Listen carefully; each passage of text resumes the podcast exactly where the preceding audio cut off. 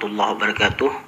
Alhamdulillahirrabbilalamin Kembali pada hari ini saya akan menjawab satu buah pertanyaan yang telah disampaikan. Assalamualaikum dokter. Waalaikumsalam warahmatullahi wabarakatuh.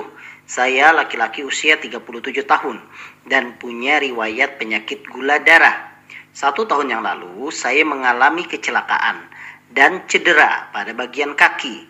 Menurut dokter saya mengalami gangguan pada sistem saraf tepi Atau neuropati Beberapa lama kemudian, sakit pada kaki tersebut hilang, sehingga saya bisa beraktivitas seperti biasa. Tapi akhir-akhir ini, saya kembali merasakan nyeri dan sakit. Apakah cedera pada saraf tersebut bisa kambuh kembali? Apa pemicunya? Dan apa yang harus saya lakukan dok? Terima kasih penjelasannya dari Bapak Gito. Baik Bapak Gito, terima kasih atas pertanyaannya dan juga data yang telah disampaikan juga menurut saya sudah lumayan bagus. Jadi Pak Gito satu tahun yang lalu pernah mengalami kecelakaan dan cedera pada bagian kaki.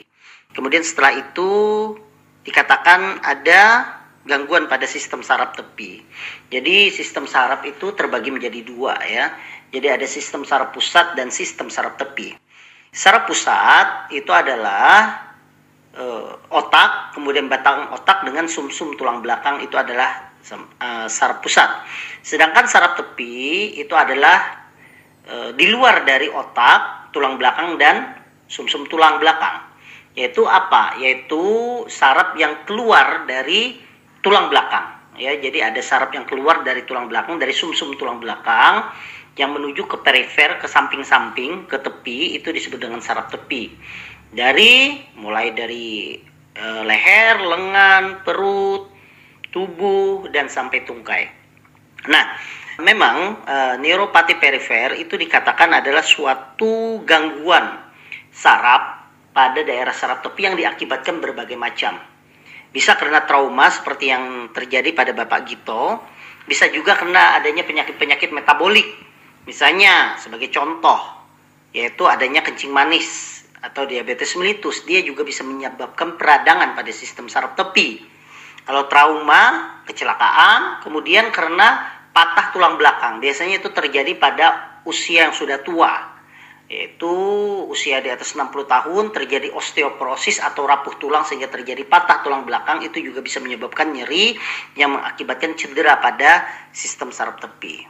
Nah syukurnya berdasarkan cerita yang disampaikan oleh Bapak Gito, gangguan tersebut, cedera tersebut itu bisa membaik, bisa kembali normal.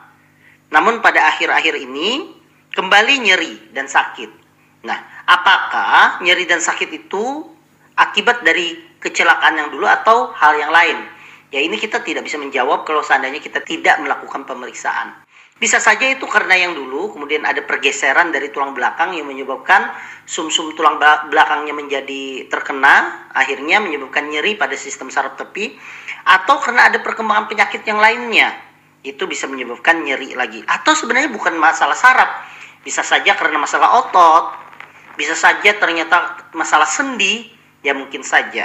Sehingga kalau seandainya pertanyaannya tadi, apa yang harus dilakukan? Menurut saya, yang utama tentunya Bapak harus segera kontrol, bisa ke dokter saraf ataupun dokter penyakit dalam untuk dilakukan pemeriksaan lanjutan.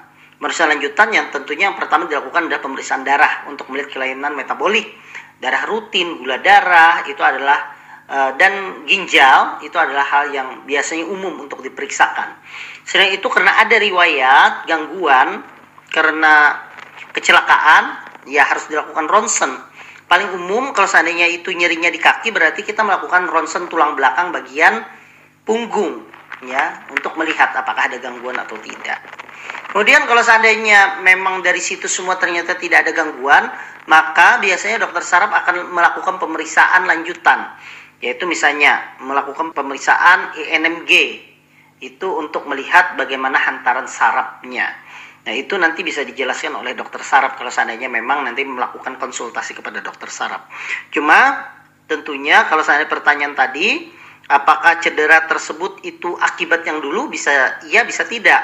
Apakah bisa kambuh kembali? Ya mungkin saja bisa kambuh. Pemicunya macam-macam, ya bisa terjadi karena trauma ulang, berulang, atau ada pergeseran tulang belakang, atau ada penyakit metabolik. Atau sebenarnya bukan karena saraf, tetapi penyakit yang lain karena sendi, karena asam urat yang meningkat menyebabkan terjadinya peradangan sendi misalnya, atau karena ototnya yang terjadi gangguan misalnya bisa terjadi ya. Jadi itu saja mungkin yang bisa saya sampaikan. Semoga ini bermanfaat Pak Gito. Saya doakan juga semoga Pak Gito cepat sehat kembali. Dan kepada seluruh pendengar yang mendengarkan penjelasan saya ini saya doakan semoga kita semua dalam keadaan sehat walafiat dalam lindungan dari Allah Subhanahu wa taala. Wassalamualaikum warahmatullahi wabarakatuh.